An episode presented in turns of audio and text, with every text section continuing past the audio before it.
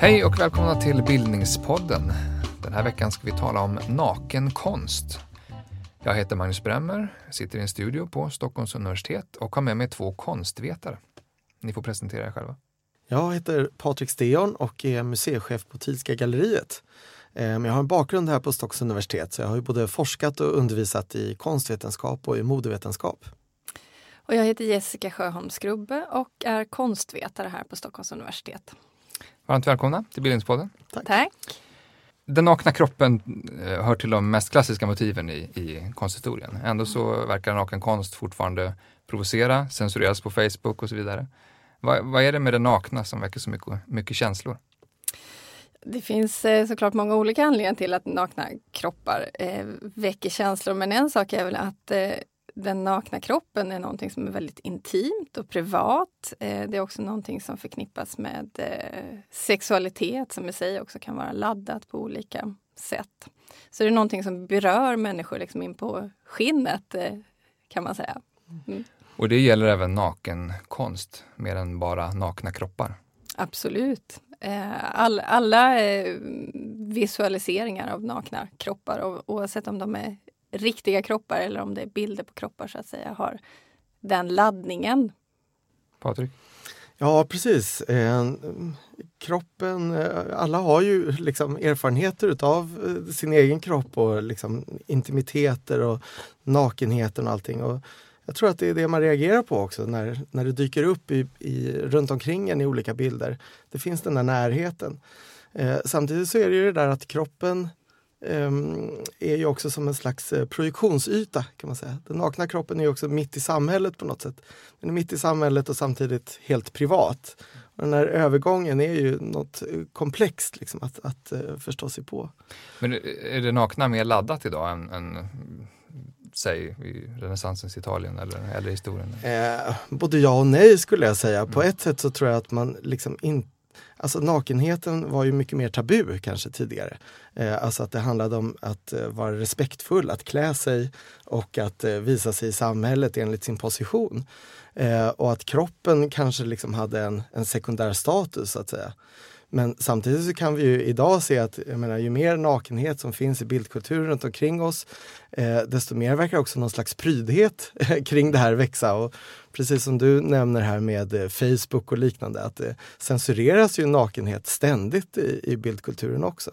Eh, så att, mm. eh, ja, både ja och nej. Liksom. Det, vi är både mer frisinnade kring nakenheten idag men samtidigt eh, mer störda av den verkar det som också. Också lite grann beroende på var i världen man befinner sig också, tänker jag. Eh, eh, en, eh, ett tema som diskuteras alltid är ju också eh, kanske framförallt då kvinnors eh, nakna kroppar och hur mycket eller hur lite av eh, kvinnokroppen som det är eh, okej okay att visa till exempel i offentligheten. Och den diskussionen finns ju väldigt levande i vår samtid också beroende på var, vart man mm. befinner sig. Ni har båda jobbat på museum fullt av nakna skulpturer. Vad, vad är det för typ av reaktioner på de klassiska konstverken idag? Ja, eh, jag jobbade på Nationalmuseum i Stockholm med eh, eh barnverksamhet framförallt då för eh, tidigare. Eh, och den vanligaste frågan bland eh, skolgrupper var ju varför är alla nakna? Vad svarade du? ja, Eh, det är ju liksom, eh, det som vi pratade med barnen om var ju vad de associerade till och det visade sig att de ju ofta associerade till att eh, jaha, de kanske är på väg att gå och lägga sig, de kanske är på väg in i duschen. Alltså man försöker föreställa sig olika realistiska situationer när man själv är naken så att säga. Alltså att man, eh, man läser in sig själv i den där nakna kroppen. Men eh, svaret handlar ju om detta att det här är konst och att i konsten så, i, framförallt i den västerländska konsten, så är ju eh, den nakna kroppen ett eh, bara, eh, dels ett viktigt motiv eh, som ju återkommer i många olika versioner men eh, också på något sätt ska man säga, det är ju kärnan utav hela den västerländska konsten. Eh, att studera den nakna kroppen och att, att framställa den som någonting annat eh, än verklighet. Alltså att framställa den som konst just. Och där kan man ju också eh, se, tänka att eh, eh, just reaktionerna som man då kan få ifrån eh, olika typer av publikgrupper eh, om man visar konst på museer eller konst i offentligheten också antyder hur väl vi lär oss att se det här. Hur vi lär oss att titta på nakna kroppar i konsten på ett visst sätt. Därför att den här reaktionen, eh, alltså frågor om eh, varför är de nakna ställs ju extremt sällan av vuxna människor. Jag tror aldrig jag har fått den frågan från en vuxen person utan där har det snälla, snarare handlat om att det har varit självklarheter att eh, till exempel den kvinnliga nakenakten eh, är ett givet motiv i konsten därför man tar det som en sanning att kvinnokroppen per se är skön att mm. titta på. Mm. Mm. Eh, och och då, har, då, har man liksom då har man lärt sig att se på konst och på kroppar på det sättet. Precis, det där är mm. jätteintressant. Alltså mm. att, eh, man under 1800-talet är väl egentligen som liksom kvinnokroppen, en naken kvinnokropp blir en symbol för konsten mm. överhuvudtaget. Mm. Eh, som en slags eh, allegori för detta. Mm. Och tittar man på hela konsthistorien så är det egentligen mest nakna män i konsthistorien. Mm. Eh, innan, innan 1800-talet och bakåt. Mm. Eh, det är från 1800-talet och framåt som den nakna kvinnan dyker upp egentligen. Men det blir så starkt på något sätt, eh, den där bilden. Och det har mm. just att göra med detta med upp, uh, idéer om uh, skönhet. Mm. Alltså att uh, den nakna kroppen gestaltar skönhet. Mm.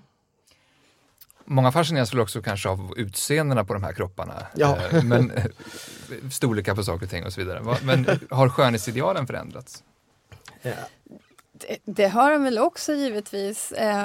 Och, och, just det här med att, att skönhetsidealen när det gäller nakna kroppar också eh, så att säga, häftar vid olika typer av kroppar vid olika eh, tidsperioder. Så, eh, tidigare i konsthistorien så var ju de ideala skönhet, alltså skönhetsidealen hängde ju samman med den nakna manskroppen då. Man går tillbaka till eh, 400-talets Grekland till exempel, där det finns en skulptör som Eh, heter Polykleitos och som också är teoretiker och som skriver om människokroppens ideala proportioner och som i princip illustrerar då den här teoretiska utsagan med ett eget skulpturalt verk som ju då kallas Spjutbäraren.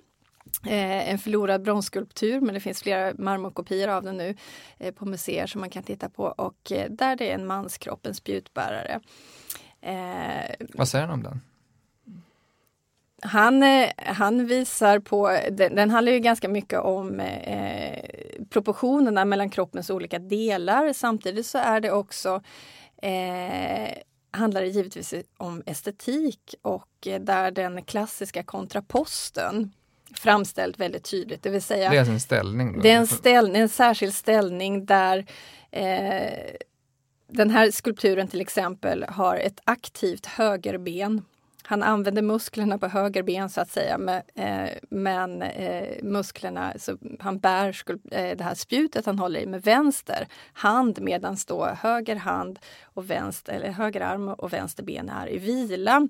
Så att det finns, eh, det blir en naturlig eh, kurvatur i kroppsställningen där som slår igenom eh, under den här tiden som är ett, ett ideal också, estetiskt ideal. Men är de här ställningarna kodade på något sätt? Ska man tolka en kontrapost eh, som någonting annat än just bara en, en, en ställning som är vacker? Så? Ja, det jag skulle säga inte. att man skulle tolka det just ifrån, eh, utifrån eh, liksom skönheten och mm. det som är Alltså att det är i balans innebär ju då att det är vackert och då innebär det att det är mer sant. Alltså det handlar ju egentligen om en eh, pla platonsk uppfattning liksom, om att... Eh, du får förklara vad det betyder. Ja, eller om att eh, eh, sanningen är någonting som ligger bortom det vi någonsin kan begripa och är bortom verkligheten. Men att eh, ju vackrare någonting är desto närmare sanningen kommer det. Så då närmar man sig det där idealtillståndet eh, på något sätt.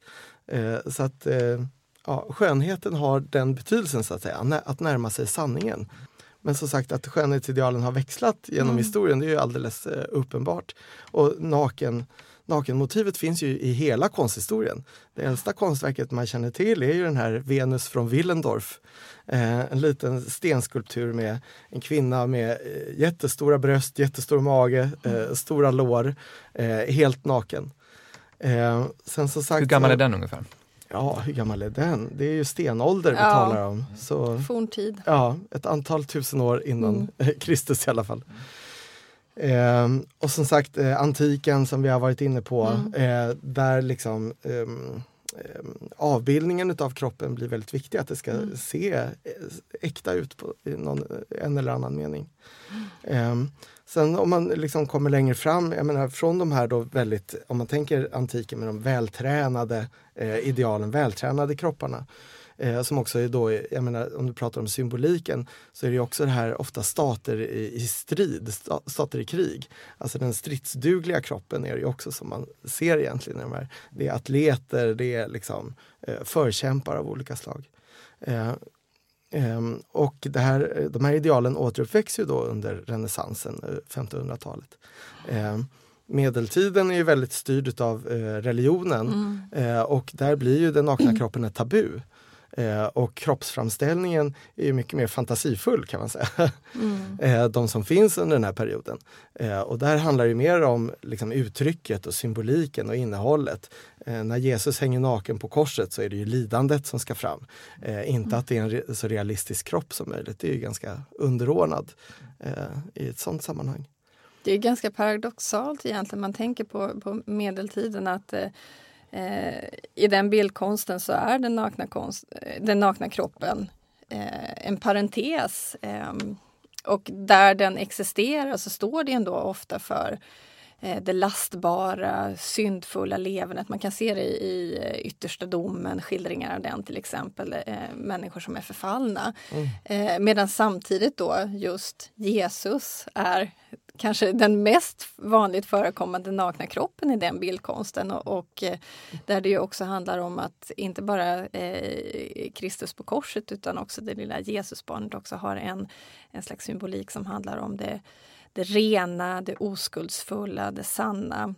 Samtidigt då som den nakna kroppen där också har funktionen av att visa på eh, Kristus mänsklighet, såklart. Konstvetare talar ibland om eh, akt, eller nakenakt. Mm, mm. Kan du förklara vad det betyder? Eh, ja, det går väl tillbaka på den akademiska traditionen. Eh, alltså att eh, studiet utav den nakna kroppen är grunden för konstutbildningen och har varit det ända sedan eh, renässansen då på akademierna. Eh, det är genom att studera en nakenmodell och överföra den till en konstbild som man liksom eh, lär sig konstens alla regler på något sätt. Men har det med, med eh, akt som är aktivitet att göra, eller ställning och så vidare? Ja, det har ju med akten att göra i det att det är olika poser som den här modellen intar.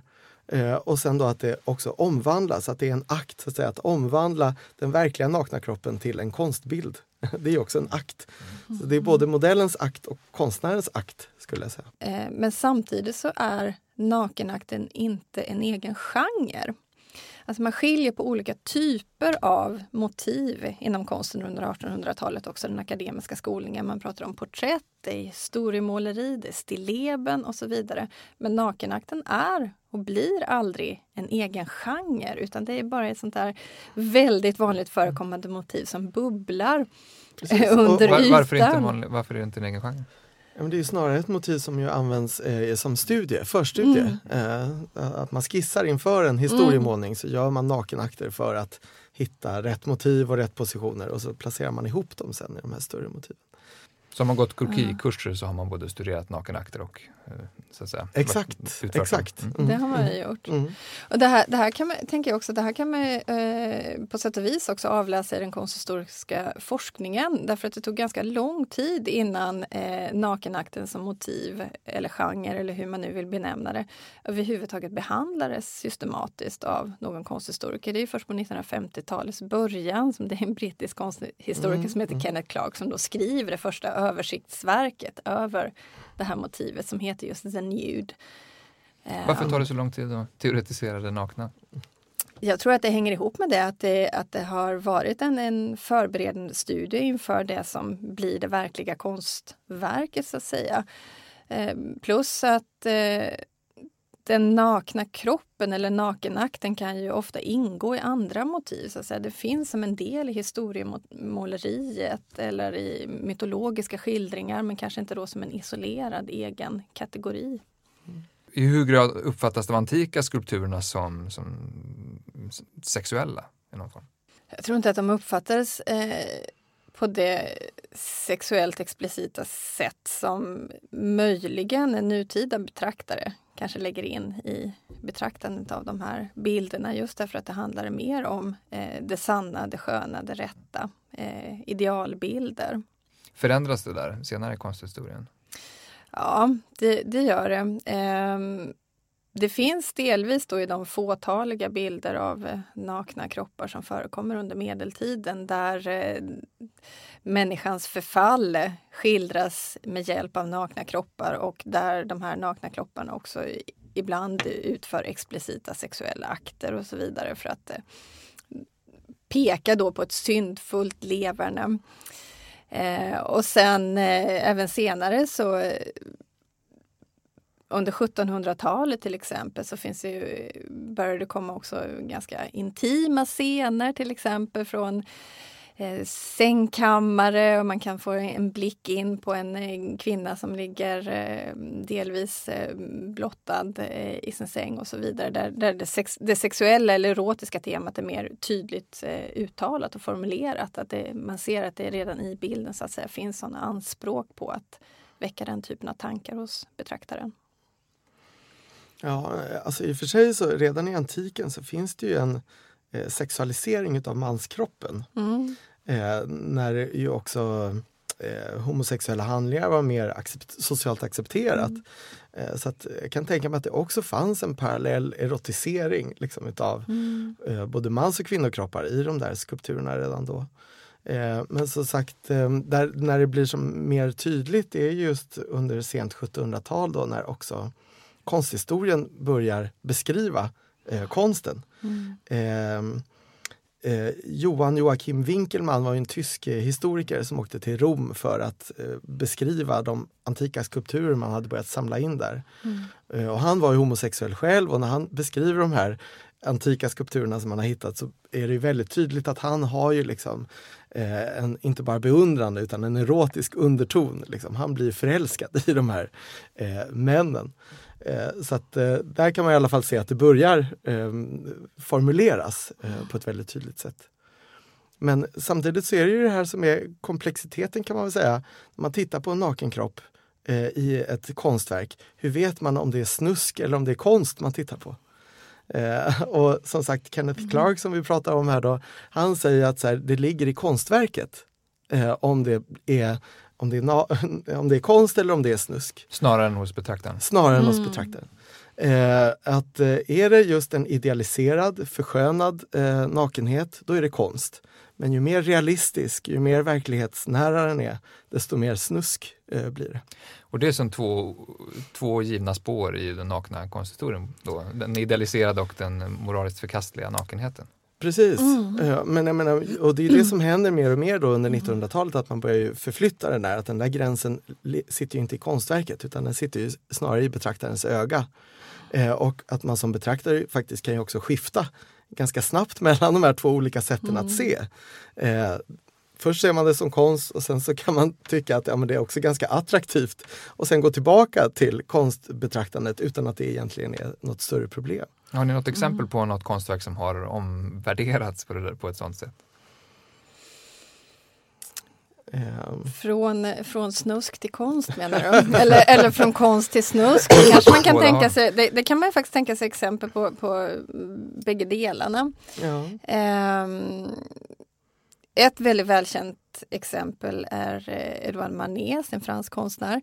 Eh, Olympia, eh, en målning som han ställde ut i Paris på 1860-talet och som orsakade debatter. Eh, den föreställer då en eh, vit kvinna som ligger ner i en sån klassisk Venusställning och som möter väldigt oförskräckt betraktarens blick. Bredvid henne så, eh, så står en eh, svart tjänstekvinna och presenterar blommor för henne. Men betraktaren förstår att det här är eh, förmodligen en prostituerad kvinna som har, blir uppvaktad via den här blomsterbuketten då från eh, någon kund.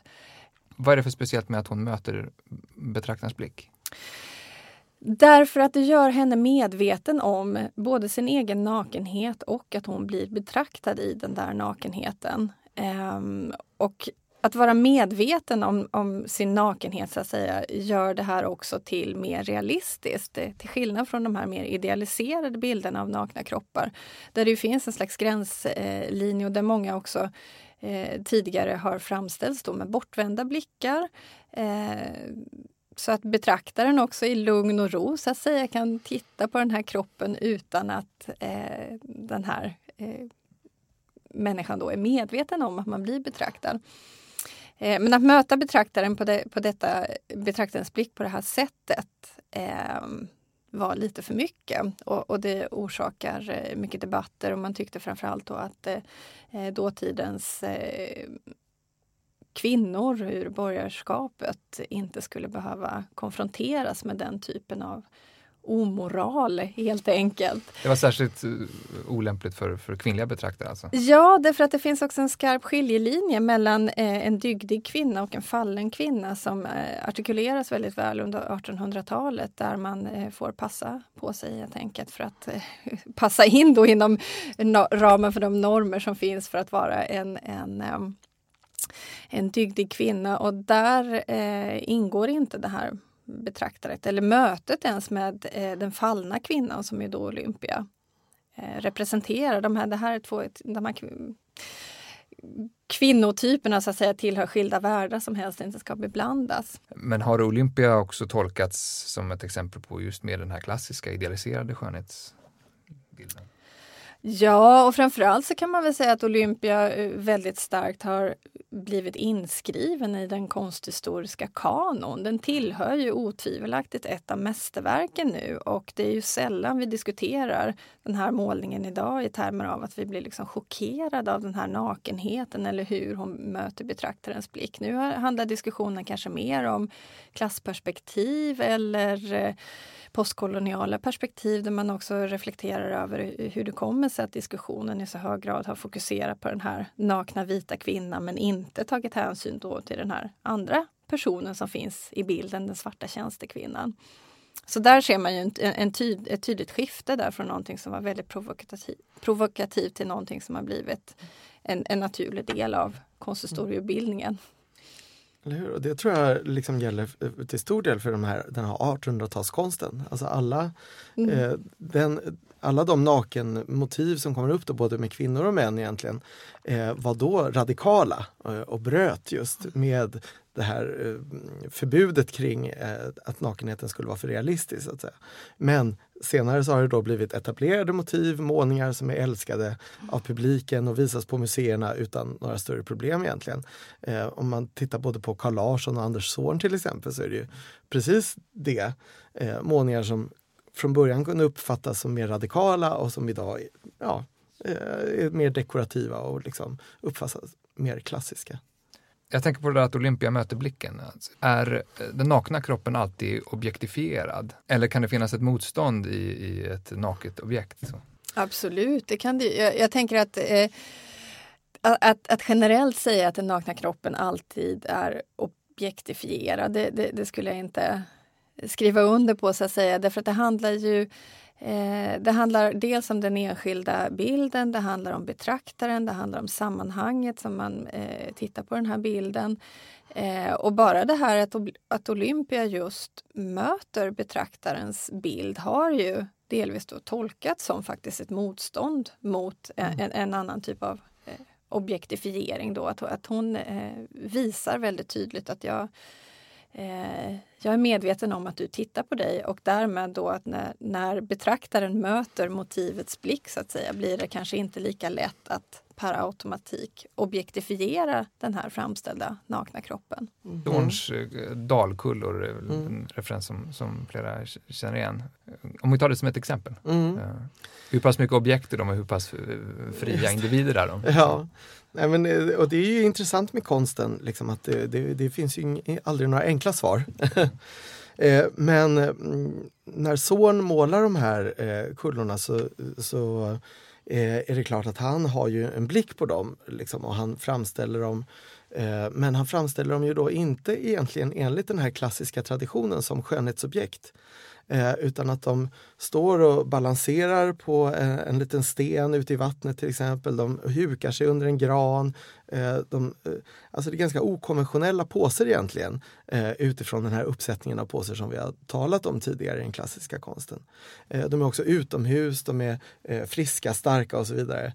Alltså de, de visar ju på en agens, de är aktiva. Eh, men sen är det klart att själva det perspektivet som de är gestaltade i, som ofta är lite lätt eh, ovanifrån så att säga och kanske framhäver vissa delar av kroppen på ett väldigt liksom, eh, beundrande sätt eller sådär. Så är det klart att man kan känna att konstnären har ju haft en erotisering där, liksom att framställt dem på ett eh, erotiserat sätt. så att, men, och här handlar det också förstås om betraktaren. Eh, om någonting ska vara objektifierat så måste det ju vara eh, betraktaren som objektifierar så att säga. Och det är här som det kan ehm, som det inte är helt självklart kanske.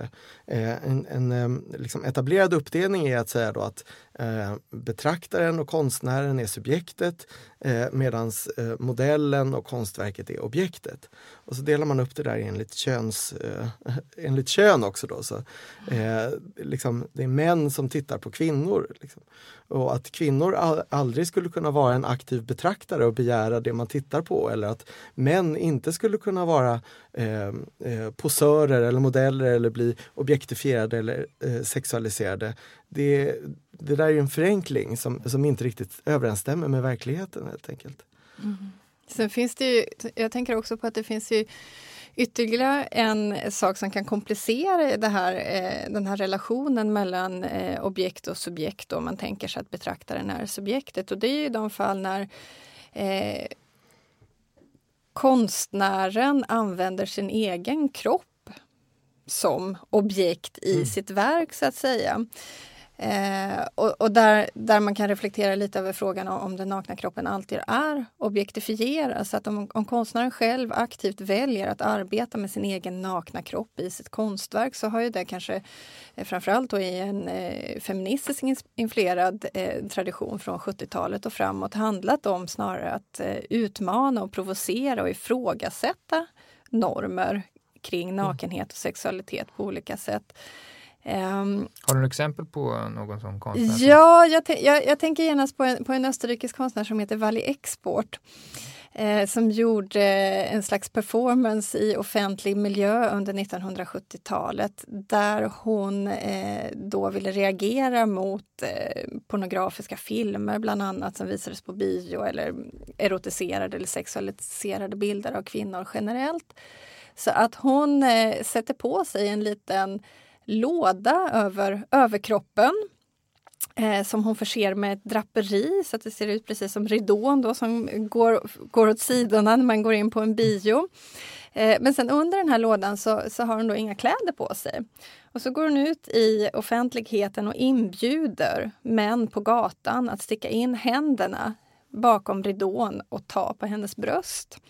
Och det där, där blir det liksom en väldigt intressant rundgång mellan objekt och subjekt och vem det är som objektifieras här. Därför att hon använder sig aktivt då av, av sin bara nakna kropp.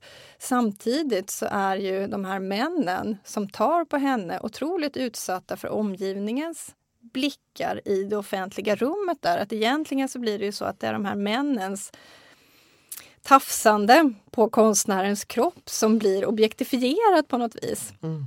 Och där, där, mm. där har man eh, en intressant eh, upplösning av de här traditionella gränserna då mellan subjekt och objekt. Och, mm. och... Mm. Hur dokumenterades det eh, konstverket? Eh, det finns fotografier, mm. svartvita fotografier bevarade på detta.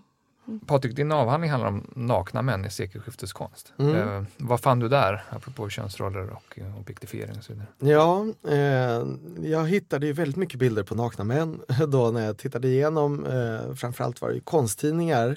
Eh, men jag ville titta på bildkultur lite bredare, inte bara konventionell konst utan tittade också på idrottstidningar och hälsotidskrifter, läkarböcker och även eh, arkiv efter homosexuella män.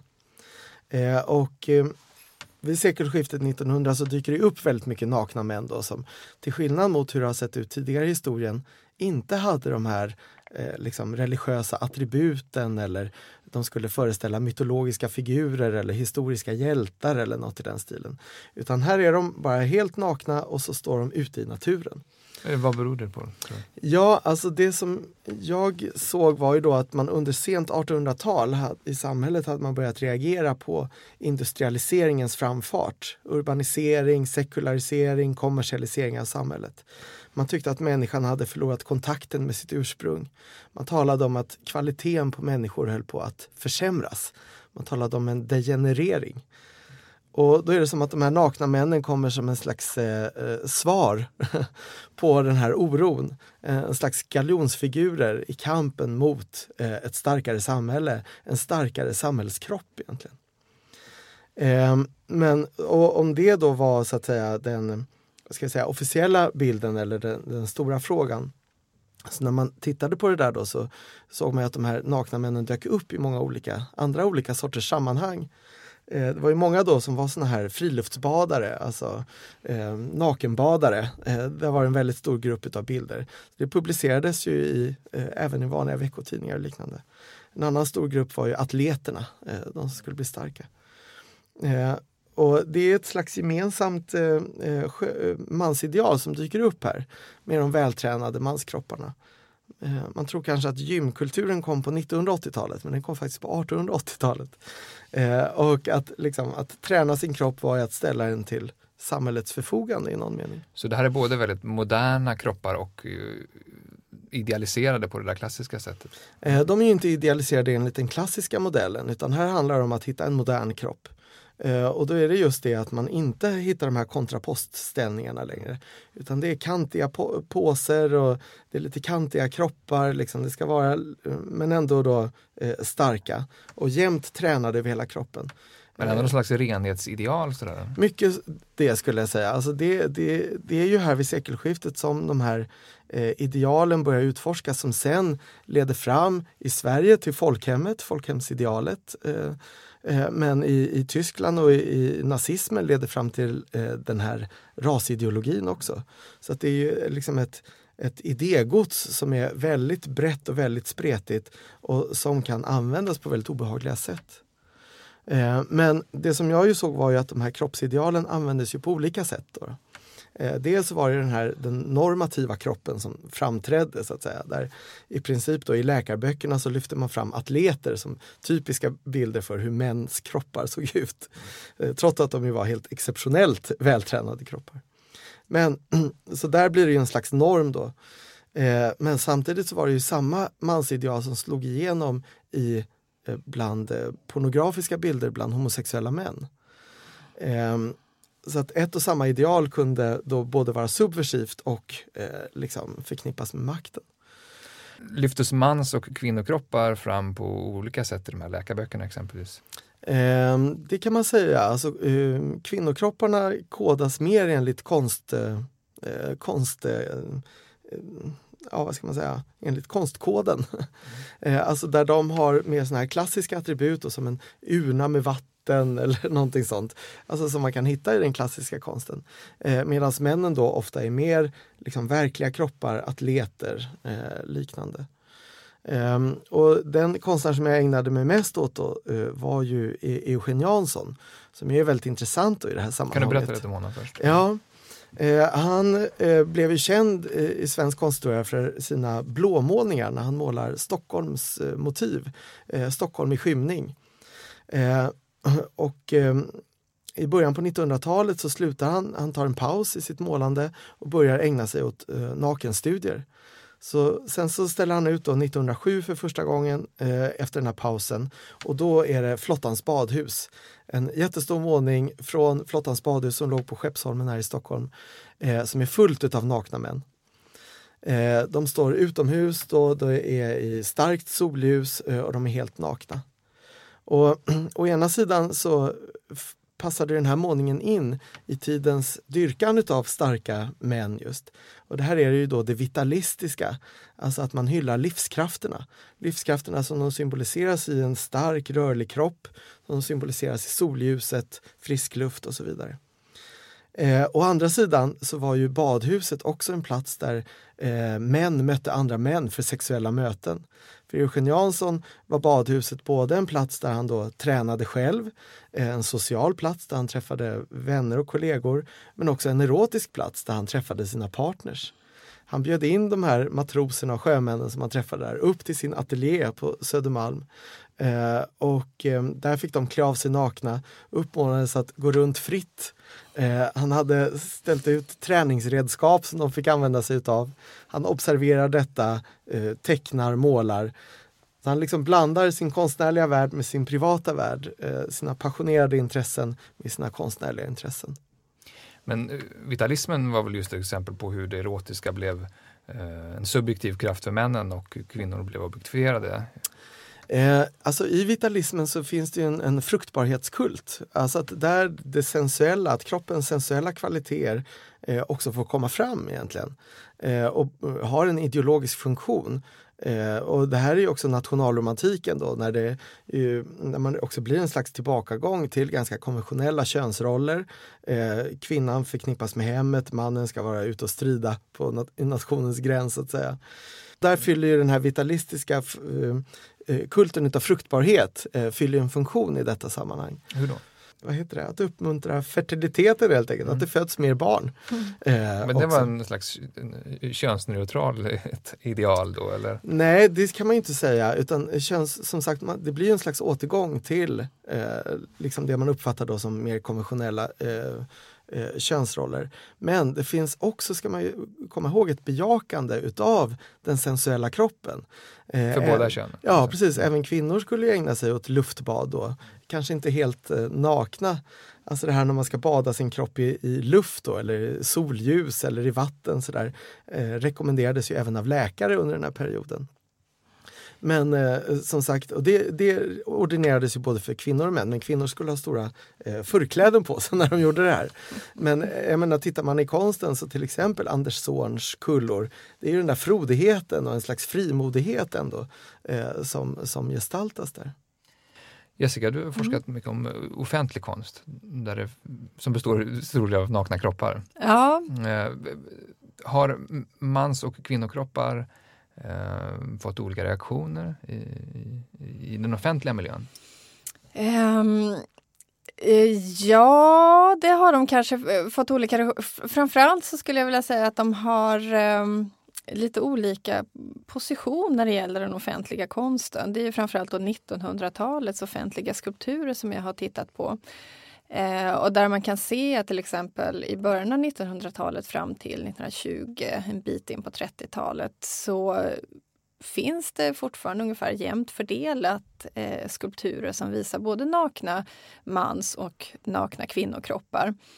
Eh, där skillnaden då i, i, i och för sig är att eh, de framställs på lite olika sätt. Den nakna manskroppen eh, är en atletisk kropp, en aktivt handlande kropp medan den nakna kvinnokroppen är mer passiv och, och ehm, eh, tycks bara vara till för att liksom behaga betraktarens öga. Eh, men, men det som jag tyckte var intressant var och som jag kanske inte riktigt hade förväntat mig att det skulle vara så otroligt tydligt, det var ju att den nakna kvinnokroppen under en per period, alltså framförallt under folkhemmets Sverige fram till kanske 60-talets mitt, var ett sånt extremt vanligt motiv i den offentliga skulpturen. Eh, jag har varit på väldigt många olika platser i Sverige och tittat på offentlig konst och eh, fanns det konstverk i de städerna som jag besökte som, som var placerade under perioden 40 till 60-tal eller kanske till och med 30 till 60-tal så, så fanns det i princip alltid minst en naken kvinna i brons eller marmor eller, eller någonting sånt. Det är ett, det är ett ohyggligt vanligt motiv. Eh, och eh, det förvånar mig kanske lite grann till en början men sen när jag funderar på det så, så framstår det kanske som mer logiskt därför att vid den här tidpunkten så, så hade ju just den kvinnliga nakenakten eh, en ganska fast position i, i ett konsthistoriskt sammanhang som en symbol för konsten med stort K. Eh, och eh, anledningen till att många av de här skulpturerna överhuvudtaget uppfördes i offentlig miljö var ju folkhemmets satsningar på en demokratisk eh, kulturpolitik. Eh, man ville att så många som möjligt skulle få ta del av god konst. Eh, och då föreställer jag mig att det ligger nära till hands att säga att det, det man då placerar är konst med stort K. Det blir också det här motivet som omhuldas på ett väldigt eh, tydligt sätt. Samtidigt så kan man se att eh, då den nakna kvinnokroppen, för att i princip så försvinner ju nästan den nakna manskroppen ur den offentliga skulpturen under 40-talet och framåt. Men dessförinnan är den överrepresenterad? Nej, alltså på 1900-talet så tycker jag att de är, eh, vad, vad, jag kunde se så finns en ganska jämn fördelning. Det finns både nakna män och kvinnor. Eh, man kan tänka på eh, skulpturer av Karl L till exempel som finns i närheten av eh, stadion här i Stockholm eller, och liknande. Men, men det är de här atletiska kropparna, eh, manskropparna. Eh, men när eh, de nakna kvinnokropparna så att säga tar över fältet så eh, så ser man också att de, på, på sätt och vis så återknyter de till en tradition från 1800-talet där kvinnor eh, eller kvinnliga gestalter i konsten i offentlig miljö, också den byggnadsanknutna konsten, då har olika typer av allegoriska funktioner. Ibland kan de representera högre värden som eh, rättvisa eller sanning eller liknande. Eh, ibland handlar det mer om eh, rent mytologiska figurer som de står för. Och eh, det finns en antydan hos, hos vissa av de här nakna kvinnoskulpturerna under folkhemsperioden också, att man vill plocka upp det här mytologiska, men många gånger då så är den alltså de, de mytologiska attributen, de små ting som ska berätta för betraktaren vilken typ av ideal eller vilken mytologisk figur den här kroppen representerar. De har en tendens att lite grann falla bort och framförallt så faller ju klädedräkten bort därför att 1800-talets byggnadsanknutna kvinnliga allegorier är inte nakna på det sättet som 1900-talets allegoriska eh, kvinnoskulpturer är. Men har den offentliga miljön gjort skillnad? Alltså när skulpturen träder in i ett stadsrum tillgängligt för alla? När det gäller nakenhet? Eh, menar du från skulpturen, eh, konstnärernas eller betraktarens? Eh, eh kanske samhällets eh, hantering av den, av den här konsten och eh, tänkbara reaktioner? det som händer med de här är att när de placeras så orsakar de väldigt sällan någon slags reaktion. Mm. Det är fullständigt eh, normaliserat. Det är ingen som höjer på ögonbrynet eh, på det sättet som, som jag har kunnat se i alla fall. Det, det orsakar inte några debatter i pressen om att det placeras en skulptur som föreställer en naken kvinnokropp. Det, det är väldigt ovanligt. Jag skulle snarare säga att den typen av reaktioner blir vanligare i vår samtid. Att man reagerar eh, på att de här kropparna är nakna. Att, att, eh, Även äldre skulpturer? Alltså.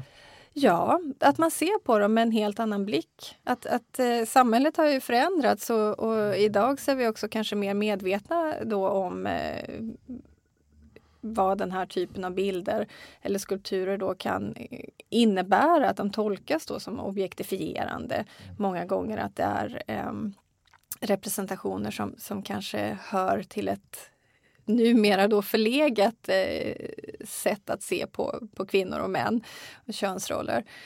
Eh, men man kan också se att eh, betraktare ser de här skulpturerna mer faktiskt som kroppar skulle jag vilja påstå. Att det här estetiska rastret som transformationen till konst med, med stort K, att det inte riktigt fungerar längre. Eh, därför att om man tittar på offentliga skulpturer så ser man ibland att just eh, kring bröst, eh, könet, så kan de här bronserna vara väldigt polerade. Så att betraktaren uppfattar motiven nu inte som estetiskt ideal kanske, utan faktiskt som kroppar som inbjuder till eh, ett eh, erotiserat handlande, att man faktiskt tar på de här kropparna. Att det, eh, Vad beror det på tror du?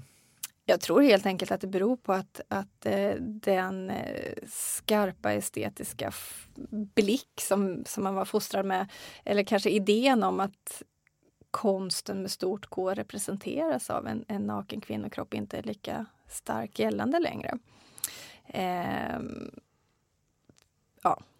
Det finns ju också det där fenomenet att eh, eh, medborgarna klär på skulpturer. Ja, alltså ja. att man också vill skydda dem. Absolut. Mot väder och vind eller mot, kanske mot eh, tafsande händer. Och Men är det en också. helt samtida företeelse eller finns det där skylandet i, i den äldre konsthistorien också? Apropå naken och konst i det offentliga. Ja precis, att, att eh, skyla nakenhet är någonting som man har ägnat sig åt på olika sätt. Eh, tittar man till exempel på eh, de här, ja, renässans, renässanskonsten så var det ju väldigt mycket naket. Eh, senare perioder då, 1600 och 1700-tal och 1800-tal har ju emellanåt varit mer pryda kan man ju säga och tyckt att det där måste man liksom rätta till lite grann.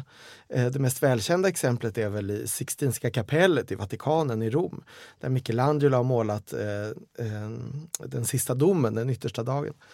Eh, fullt utav nakna kroppar, en hel vägg.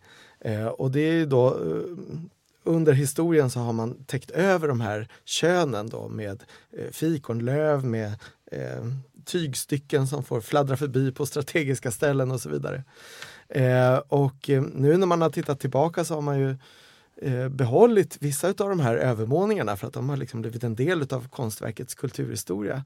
Eh, Medan flera har man ju tagit bort för att restaurera så att man kan få se hur målningen såg ut i original. Men det var en, det var en justering som skedde just för att förhindra nakenchocker? Absolut, och det där är bara ett exempel. Det finns ju mängder av skulpturer där just eh, nakna män har blivit försedda med ett fikonlöv liksom, som eh, läggs på. Ehm, och eh, ja, jag tror även att man liksom kunde täcka över skulpturer eh, i museimiljöer eh, när mm man var lite orolig då för, eh, för att det kunde bli för provocerande eller för, för osedligt. Alltså det här är ju liksom borgerlighetens moral då om vi talar om 1800-talet. Att man liksom som, eh, som medborgare inte ska behöva utsättas för någonting som kan skada ens moraliska omdöme. Så att, ja. mm. Men det är väl också där som det offentliga konstmuseet växer fram? Eh, hänger det då ihop med mötet med en ny publik? Så, eller? Ja det är ju det och, och där eh, så handlar det också om detta att liksom uppfostra en publik att fostra publikens sätt att se.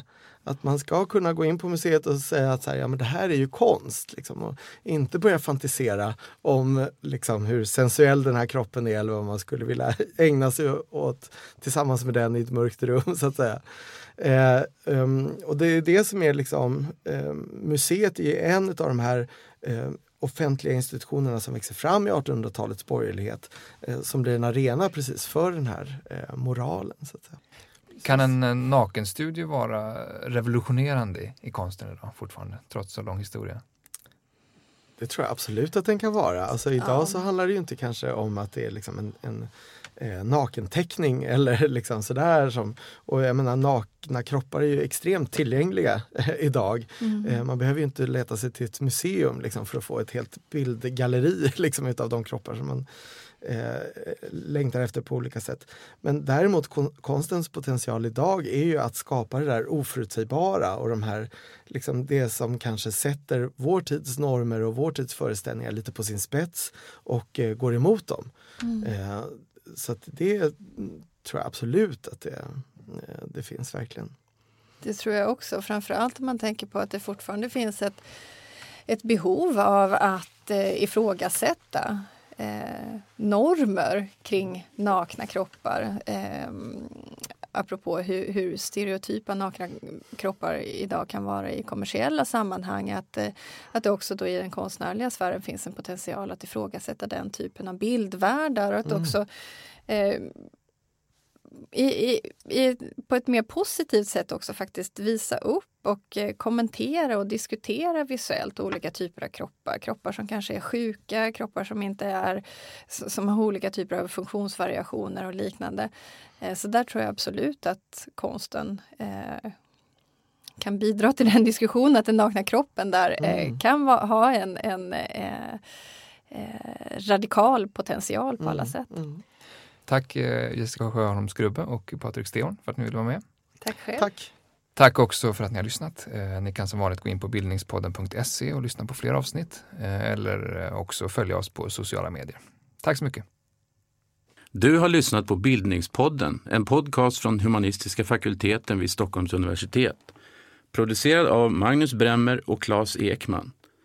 Podden spelas in på Språkstudion och tekniker är Henrik Nordgren.